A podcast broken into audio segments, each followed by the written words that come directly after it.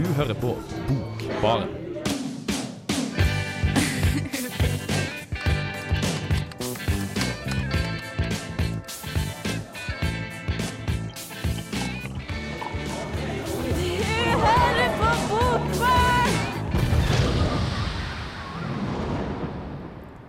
Velkommen til Bokbarns andre sending for det nye året.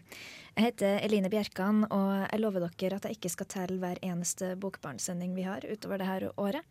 I dag så har jeg med meg som vanlig eh, Bokbarns fine piker Vida, Ingrid og Maren. Hallo! Hei, hei, Hei. Kan dere fortelle litt hva, hva dere skal ha med eller snakke om i kveld? Vida? Ja, eh, jeg har tatt med meg en eh, bok fra nabolandet Island. Det er 'Svar på brev fra Helga'.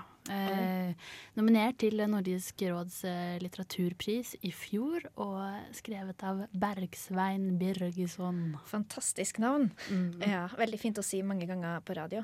Nei, jeg prøver å la være. Ja, Enn eh, du, Ingrid, hva har du med deg? Eh, jo, jeg har med meg Cecilie Løveids diktsamling 'Flytterester', som, snakker, som handler om eh, flytting, og det er noe jeg har tenkt veldig mye på den siste tiden, siden jeg har flyttet og blitt student og alt det der. Oi, ja, vi er sikkert flere i, den, eh, i, i dine sko. Mm, det tror jeg. Ja. Maren, da? Eh, Jeg har med meg en bok som heter Weird Things Customers Say in Bookshops av Jen Campbell. Det er liksom den fantastiske avslutninga på denne sendinga her, syns jeg. Det var liksom litt, litt annet, men, men veldig personlig for deg. Ja, absolutt. Jeg har jobbet i bokhandel i et år og kjent meg ganske igjen. Jeg gleder meg til å høre mer om det, men vi kjører på med 'Fårikål' av Lindstrøm, så ses vi etterpå. Hei, dette er Jostein Gaarder. Du hører på Bokbaren i Radio Revolt. Det gjør du. Jeg ble arrestert her i stad fordi at jeg sa at vi skulle sees etterpå. Det gjør vi jo ikke. Vi høres, forhåpentligvis. Bra, ikke sant, Maren? Men vi som sitter i studio, ser hverandre. Det gjør vi, og, og det, det, det er vakkert syn. Uh, Vida, Takk. Ja. du har med ei bok, og det, det, det er kjærleiksbok. Ja, det er jo det. Eh, og det er en, eh, en eh, kjærlighetsbok som går eh, virkelig i dybden av eh, hva det betyr å, å takke nei til den store kjærligheten i ung alder. Og det er jo på en måte sånn Har man hørt det før? Ja, ikke sant? Men noe av poenget med denne boken her er jo at det mange kommer til å takke nei til kjærligheten i ung alder igjen og igjen og igjen, sikkert. Og da må vi fortsette å lese bøker om det. Kanskje. Ja. Jeg vet ikke helt. Jeg blir litt eh, hva heter det, ambivalent i forhold til hvor mange ganger man trenger å lese eh, en sånn kjærlighetshistorie. Samtidig så skal jeg jo si litt etterpå om at eh, her kan det hende at det faktisk funker, da. Ja, for er det sånn at man skal lære noe av denne boka? At eh, du må bare gå for dine drømmer og sånn? Ja, og så har den jo også en annen eh, tematikk enn eh, bare kjærlighet. Det er jo også en sånn liksom frykt for storbyen og, og hva som skjer der, som eh, i lys av det som har skjedd på Island de siste årene, og liksom fornyelse og modernisme og alt det der, så, så, så kan man se det som en slags eh, kritikk av alt som eh, skjer i de store byene, og med alt som eh, følger med nye ting. Ja, Kanskje er den litt mer aktuell enn man i utgangspunktet tror. Svar på brev fra Helga er skrevet av den islandske forfatteren Bergsvein Birgisson. Og det er ute på den islandske landsbygda svaret på dette brevet skrives. Det er den gamle bonden Bjarne som forteller. Og boken er skrevet i form av et brev adressert til hans gamle elskerinne Helga. Det er Helga som bodde på nabogården, men som valgte å forlate bygda til fordel for byen. Bjarne får tilbud om å være med, men takker nei, og gjennom hele boken ser han tilbake på det som har vært, og det som ikke ble noe av. Noen mennesker dør av det som er utenfor dem. Andre dør fordi døden er i dem fra gammelt av, og låser seg om blodårene deres innafra. De dør alle sammen. Hver på sitt vis. Noen faller gulvet midt i ei setning. Andre takker fredfullt for seg i en drøm. Slukner da drømmen sånn som når en film ikke ble projisert på lerretet lenger, eller skifter drømmen bare form og får nytt lys og nye farger?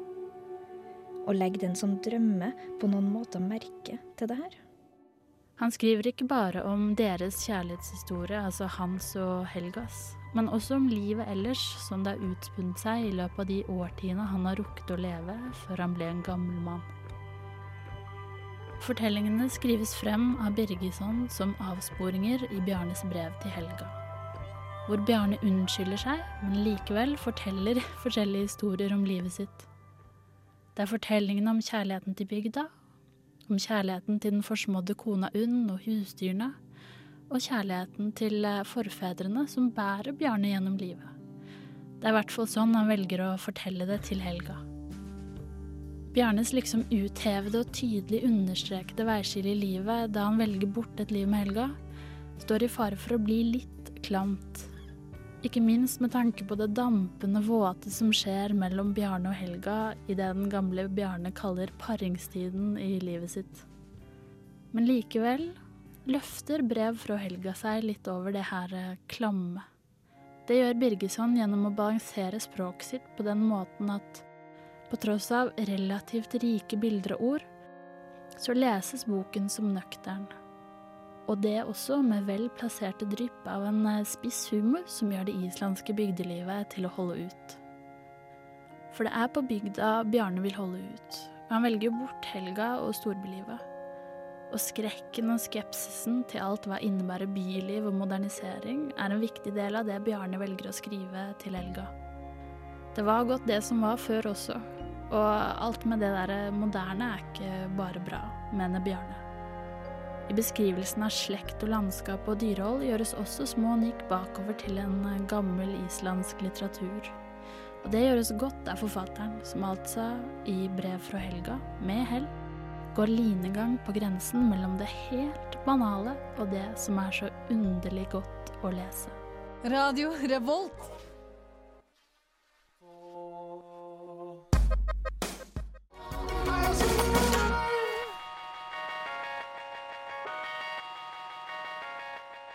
Ja, jeg heter Dag Solstad, og dere hører nå på Bokbaren, og der er altså jeg. Før eh, Dag Solstad så fikk dere eh, Everything Everything med Ke mo Bae Sabe. Nei. Og det, vi har snakka mye om hvordan vi uttaler den tittelen, men det vi i hvert fall vet, er at det er en megafengende indie-pop-låt fra Manchester. Det er Ja. Det er vi enig i. Uh, vi har jo også hørt uh, Vida sin anmeldelse av eh, bre eller svar på brev fra Helga. Ja. Og eh, det som kom opp litt der, da, var jo at eh, det var litt sånn vanskelig med den her oversettelsen. Ja, eller det kom egentlig ikke opp i eh, min anmeldelse, men det er absolutt noe som er eh, et poeng å snakke om. Eh, for den er jo uh, omsett til eh, nynorsk. eh, eh, fra islandsk, da, eh, av Johannes Gjerdåker. Og det er på en måte Det er litt som å, for å si det helt enkelt, lese islandsk på nynorsk. Det er ganske tungt nynorsk. Eh, samtidig så gir det en følelse av eh, å være et sted som ikke er eh, et eller annet nynorsk sted i Norge, men å faktisk være på Island. For det, er, det er ikke helt lett tilgjengelig, men man kan trenge gjennom den derre eh, motstanden som eh, vi snakket om i, i stad, Maren, eh, som teksten gir. Eh, og jeg syns at det er en god oversettelse, men at man må jobbe litt med den. Ja, men det er en sånn god type jobbing som bare beriker teksten, kanskje. Ja, og det er veldig fint nynorsk. Det er brukt tid på.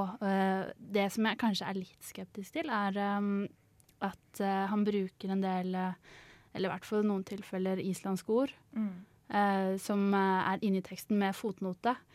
Og det er på en måte Ja, det er litt eksotisk eh, å vite at eh, brunslett betyr eh, kjøtt, full eller fyldig. eh, men men eh, når man først har tatt seg bryet med å oversette, så syns jeg egentlig at eh, det er greit å gå hele veien. Og akkurat de fotnotene syns jeg var litt sånn, ja, litt forstyrrende, kanskje. Ja, fordi jeg føler jo at du, du sa jo det at du er litt ambivalent i forhold til den boka. Eh, men alt i alt da er det verdt å lese. Ja, eh, jeg syns det. Det er jo ikke en veldig stor og tjukk bok. Eh, og gir et sånt fint tidsbilde. Og den klarer å, få fram en eller annen følelse av å være på den islandske landsbygda. Og er, den er på mange måter ærlig. Så du kommer liksom nære personen i teksten, og, det syns jeg, jeg synes det fungerer veldig fint. Ja. fikk vi svar på om han noen gang møtte herr Helga igjen? Nei, og det vet ikke jeg heller. Eller det skal jeg kanskje ikke si noe om. Uh, men det er jo det er i grunnen egentlig bare et brev til Helga, hele denne boken. Ja, uh, for vi har jo snakka litt om uh, tror vi at hun lever i dag, og sånn. Og så er vi veldig spent på om det her kvinnemennesket på coveret til den boka, er, om det er Helga, da. og i så fall så har han jo kutta liksom rett ovenfor du ser jo bare halve ansiktet hennes. Ja, og det, det er litt dårlig gjort. Og derfor tenkte vi at det var en jobb for Tore på sporet. så kanskje vi skal sende det inn til han. og nå skal vi slutte å snakke om Tore på sporet, selv om det er et skikkelig bra program. ja, du om det. Jeg tror vi går rett over til Blue Skies med dråpe. Så skal vi høre på hva Ingrid har tatt med seg etterpå.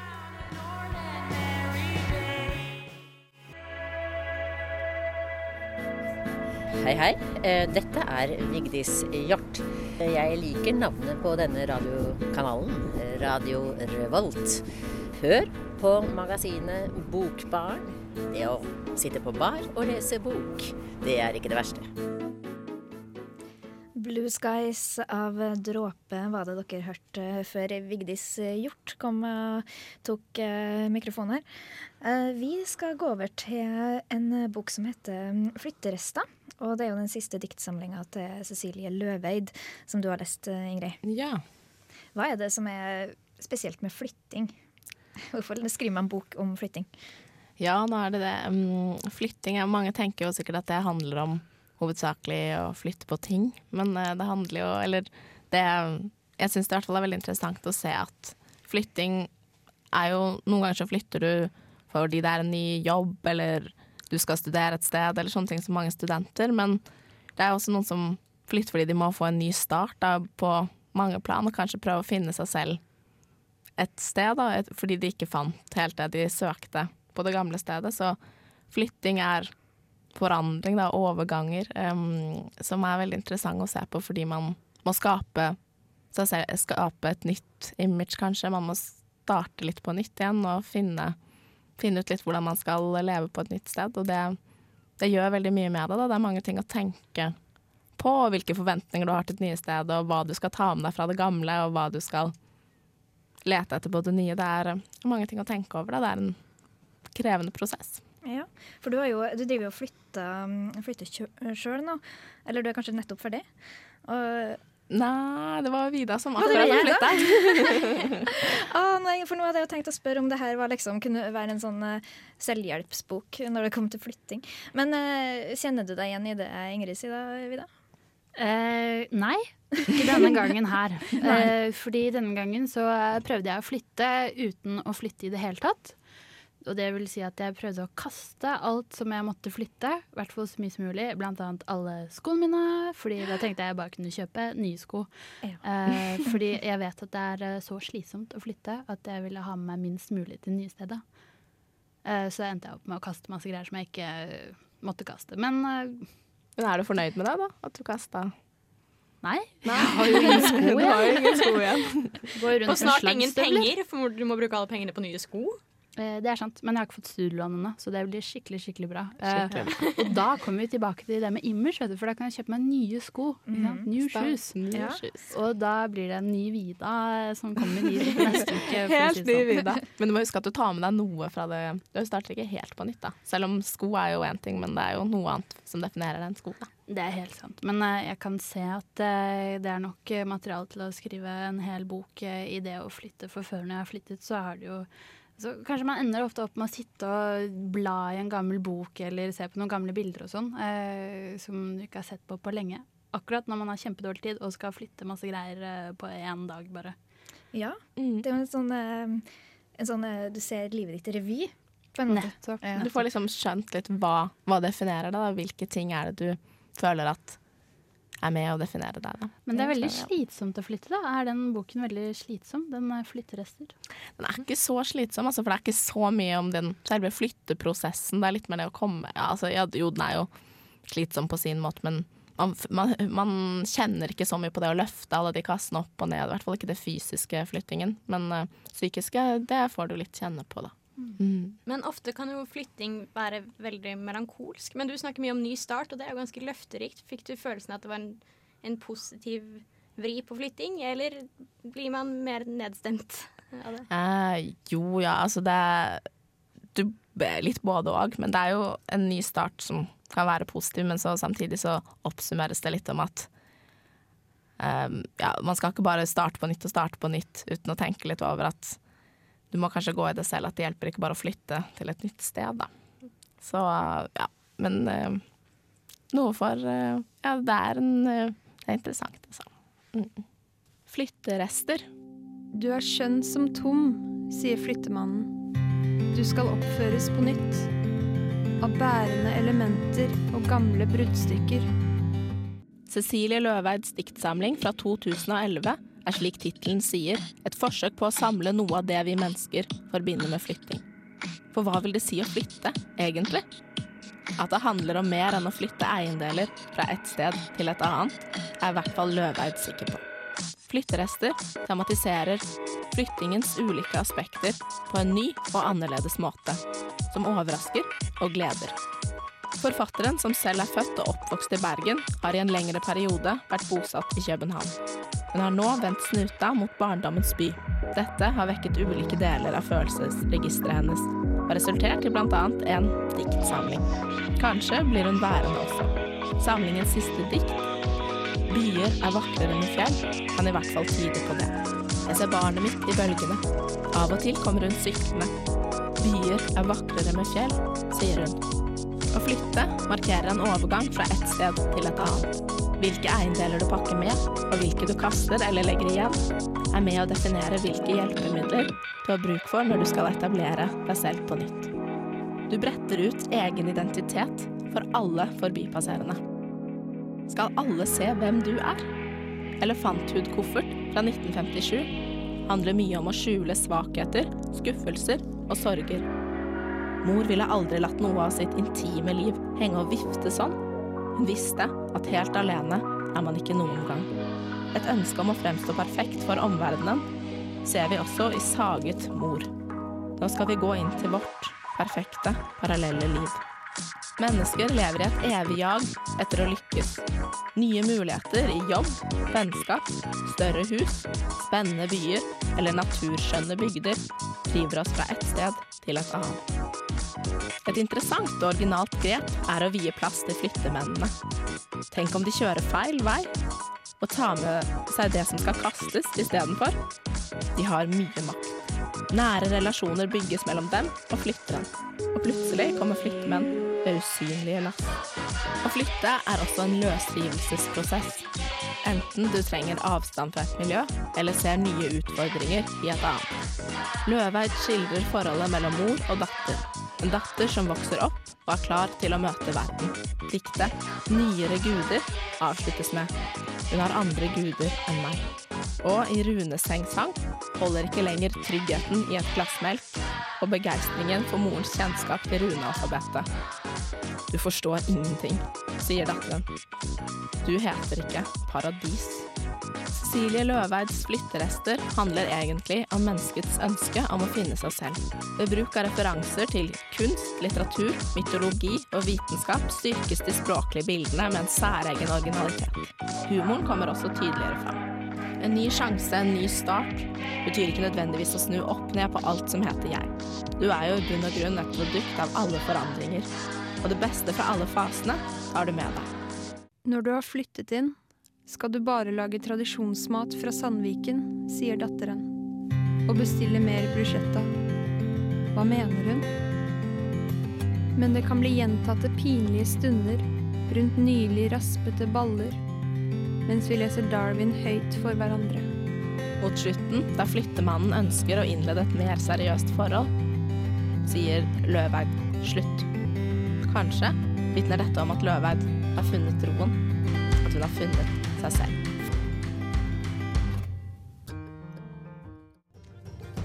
Del Tool med Fiona Apple hører dere eh, forsvinne i bakgrunnen her. Eh, Vi har snakka om det å flytte, vi, eh, i anledning boka 'Flytterester' av Cecilie Løveid. Og det her er jo ei dame som har holdt på veldig lenge. da. Hun debuterte i 1972 med 'Most'. Og hun, har sagt, hun hadde jo tenkt kanskje at hun skulle legge opp og sånn, men så nå ville hun skrive noe prosa, har jeg hørt. Um, så, så det er jo en eh, erfaren forfatter du har lest, eh, Ingrid. Mm. Det gjenspeiles kanskje i boka? Ja, det er eh, god kontroll, syns jeg, på det meste. Veldig, og mye, mye variert. Og også som jeg snakket om i anmeldelsen min, så sier jeg at det er mange referanser til litteratur og kunst. Og, sånn, så det er eh, Av og til så måtte jeg liksom sjekke ut hva er det hun egentlig snakker om nå, fordi jeg faktisk ikke visste det. Så det, det gjør jo at man blir enda mer nysgjerrig på hva som Eller man jobber ekstra med å forstå noen av diktene, da, fordi man faktisk ikke vet helt hva alt er for noe. Ja. Så det virker som hun har uh, reist mye rundt eller opplevd mye og lest mye forskjellig som hun da kan bruke som bilder i diktene sine. Da. Ja, Det- nettopp. Mm.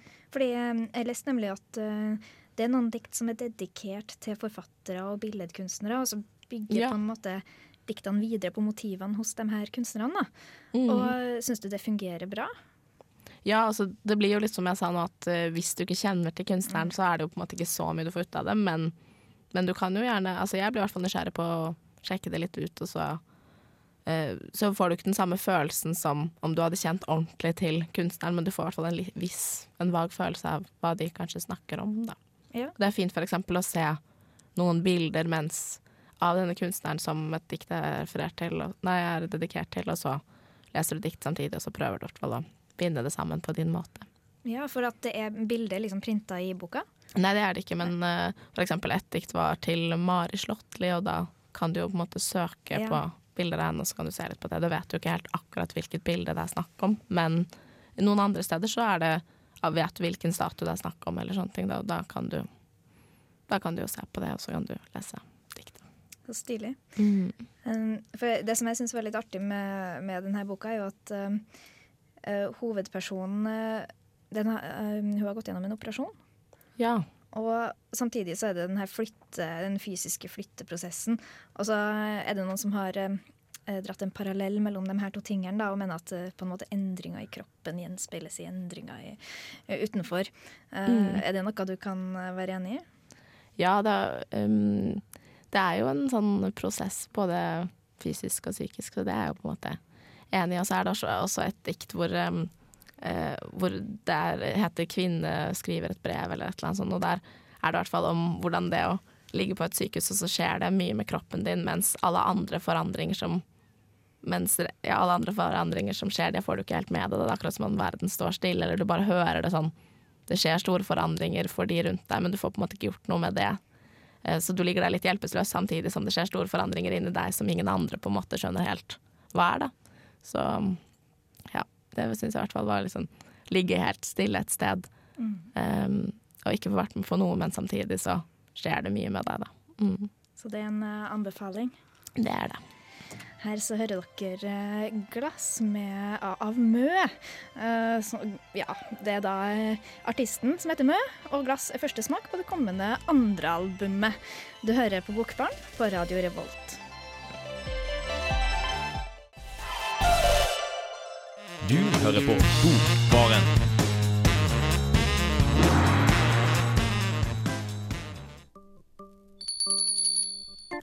Hei! Hvor har dere Breaking Dawn? Jeg, finner den ikke på hyllen. Eh, Beklager, jeg tror vi er utsolgt for Twilight-bøkene. Ja, Vi venter på å få dem inn igjen, da. Hæ? Ja, Vi får de sikkert inn i morgen. Eh, Men jeg trenger den nå. Jeg ble ferdig med treeren i natt. Beklager, da kan jeg nok ikke hjelpe deg. Du forstår ikke. Jeg har tatt fri fra jobben i hele dag for å lese Breaking Dawn. Jeg må vite hva som skjer videre. Nå! Du, du, du, kan ikke du ringe distributøren deres og høre om de kan levere i dag? De leverer bare om eh, Og så kan jeg vente på dem her. Beklager, men de leverer bare om morgenen. Men hva skal jeg gjøre nå, da? Vi har mange andre bøker. Har noen av dem Robert Pattison i seg, kanskje?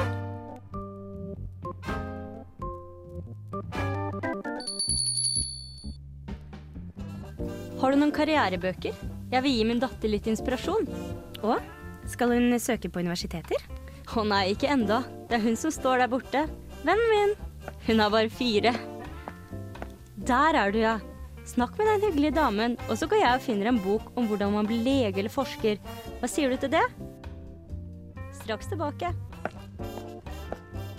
Så hva heter du, da? Sara. Sara? Det er et pent navn. Takk. Så Sara, hva vil du bli når du blir stor, da? Mm, en bie. Ha, flott.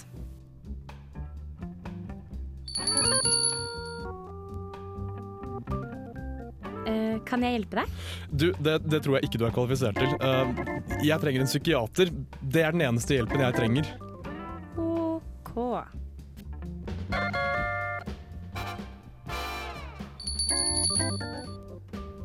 Unnskyld, hei. Eh, hvilke bøker burde jeg kjøpe for å få gjestene mine til å se på bokhylla mi og tenke shit, han der, han er intelligent. Har dere noen bøker om astrologi?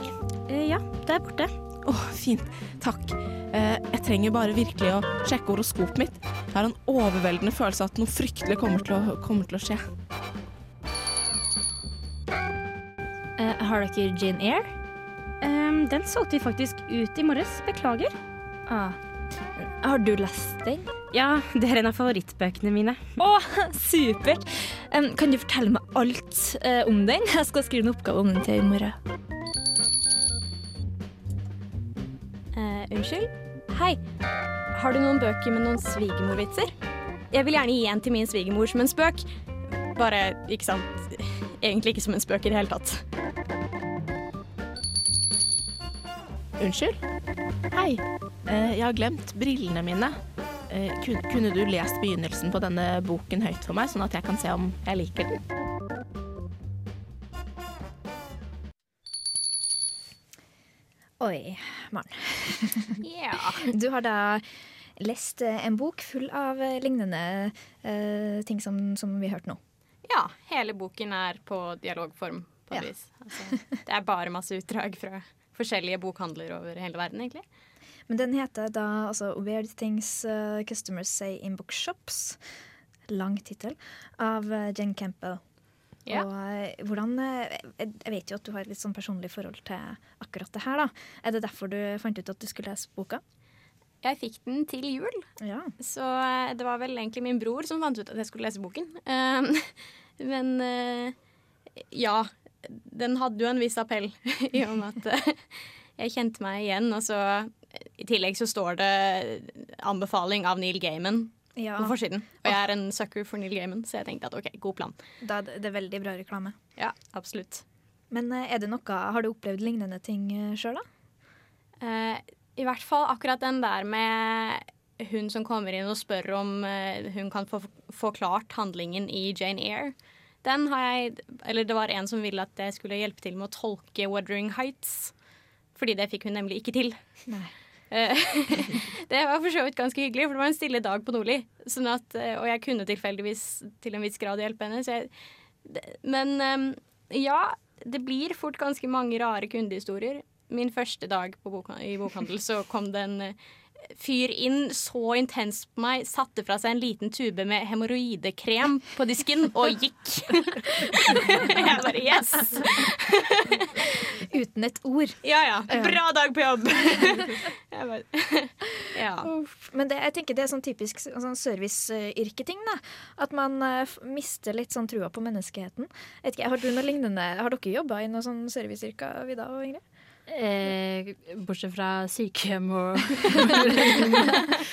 en del service der òg. Eh, men jeg jobbet eh, med å selge barnevogner og, og babyklær. Eh, en ganske kort periode, egentlig. For jeg fant ut at hvis det finnes en kundegruppe som er mer krevende enn nybakte mødre eller eh, liksom eh, kommende mødre, så da, det, da vet jeg ikke hva jeg gjør.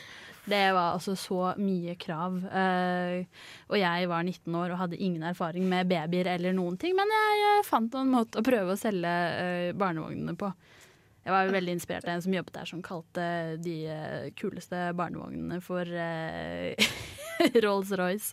Og dette er barnevognens tanks. Eh, så dere kan jo se for dere hvordan det så ut. Var du sånn som solgte skilt der det står navnet på ungene og sånn? Ja, ja, ja. ja, ja.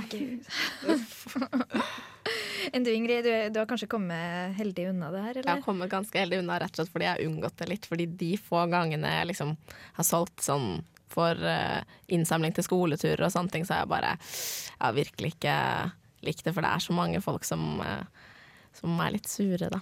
Jeg, litt- jeg syns det er litt skummelt, jeg. selv om jeg på en måte skjønner at noen av de er litt håpløse. Så er det en eller annen posisjon jeg blir satt i som gjør at jeg ikke greier å gjøre noe annet enn å bare bøye meg i støv for dem og ja, la de styre. Så jeg føler meg opp. Nei, jeg, jeg er ikke så glad i sånt. Ja, men Det er jo den der 'kunden har alltid rett'-greia, som naturligvis er feil, og det vet alle som har jobbet i serviceyrket. Kunden har aldri rett, men dessverre. Dessverre. Vi må bøye oss. Ja, ikke sant. Uff. Ja, jeg husker uh, Da jeg var lita, så skulle jeg og bestevenninna mi selge kattemat på døra. For å, for å, som vi hadde laga sjøl, uh, for å bli rik, da. Og den kosta sånn 20 kroner. og så var det en gang at det kom ut ei dame i bare nattkåpa. Og så sier jeg sånn rett ut at uh, nå driver dere og forstyrrer meg og ektemannen min i litt sånn uh, intim stund her. Og si, altså, da var vi jo eh, åtte år. Så det var, det var fint. Ellers har jeg jobba i, um, i sånne, som in telefonintervjuer, da. Og man har jo masse fordommer mot telefonintervjuer, det, det er helt sikkert. Men man får også fordommer mot mennesker generelt når man jobber som det. Så jeg hadde jo en sånn, Den første uka jeg jobba, så, så fikk jeg jo det her standardspørsmålet om du er naken. Eh, det er veldig fint. Er det et standardspørsmål? Men det er så klisjé, da. Det er liksom eh, den her eh, gamle, treige mannestemmen liksom, i, som, som spør deg om du er naken. Det, det, det er ikke så Jeg hadde lyst til å si at han kunne ha funnet på noe bedre, men jeg gjorde ikke det. Jeg la på. Videre så har du jo de her politiske undersøkelsene som er helt forferdelige, for da merker du jo at eh, halve befolkninga ikke vet hva de stemmer på. Mm. Uh, så blant annet at eh, Venstre Vi har alltid stemt eh, på partier som ligger til venstre i min familie, for vi stemmer jo på Venstre, liksom. Og sånne ting. Det, det er folk som faktisk mener det, da. Kjempefint. Og videre så har vi jo noen uh, som eh, Vi sier jo at vi skal snakke med folk over 15 år. Eh, eller den som ble født sist. eh, den som sist hadde bursdag. Og da er det mange som sier at det var ingen som ble født sist her i huset. Så det er liksom veldig, veldig mye fint folk lirer av seg altså, i sånne situasjoner. Åh, jeg, tror, jeg tror nesten at det, det blir for mye, så vi må gå over. Eh, Vi nærmer oss slutten. Her i bakgrunnen så hører dere Daisy med Blue Hawaii på Radio Revolt.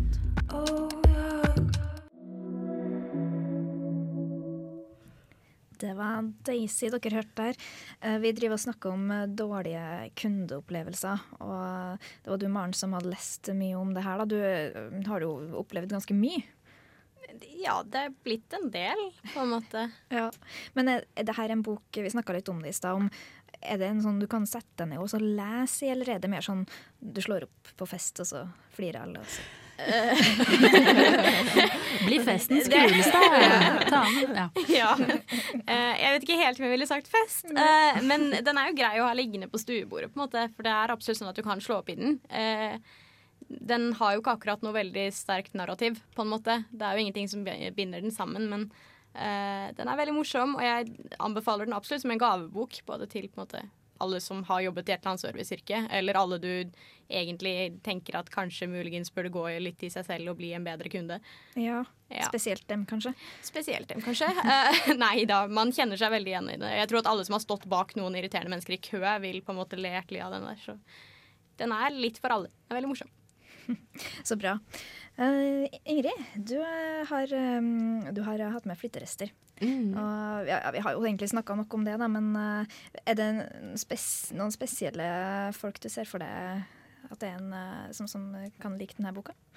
Jeg tror at um, selv om man tenker at dette er liksom ja, som alt annet med dikt, da, så tror jeg at mange studenter spesielt egentlig bør eh, lese denne eh, samlingen. Fordi, eller jeg i hvert fall eh, man, man bruker mye tid i den fasen av livet sitt på å flytte og på å skape, seg selv, eller skape et nytt image, begynne et nytt sted. Og det er jo også noe man burde sette litt tid til å tenke over. Nei, bare rødvinstanter kan lese denne.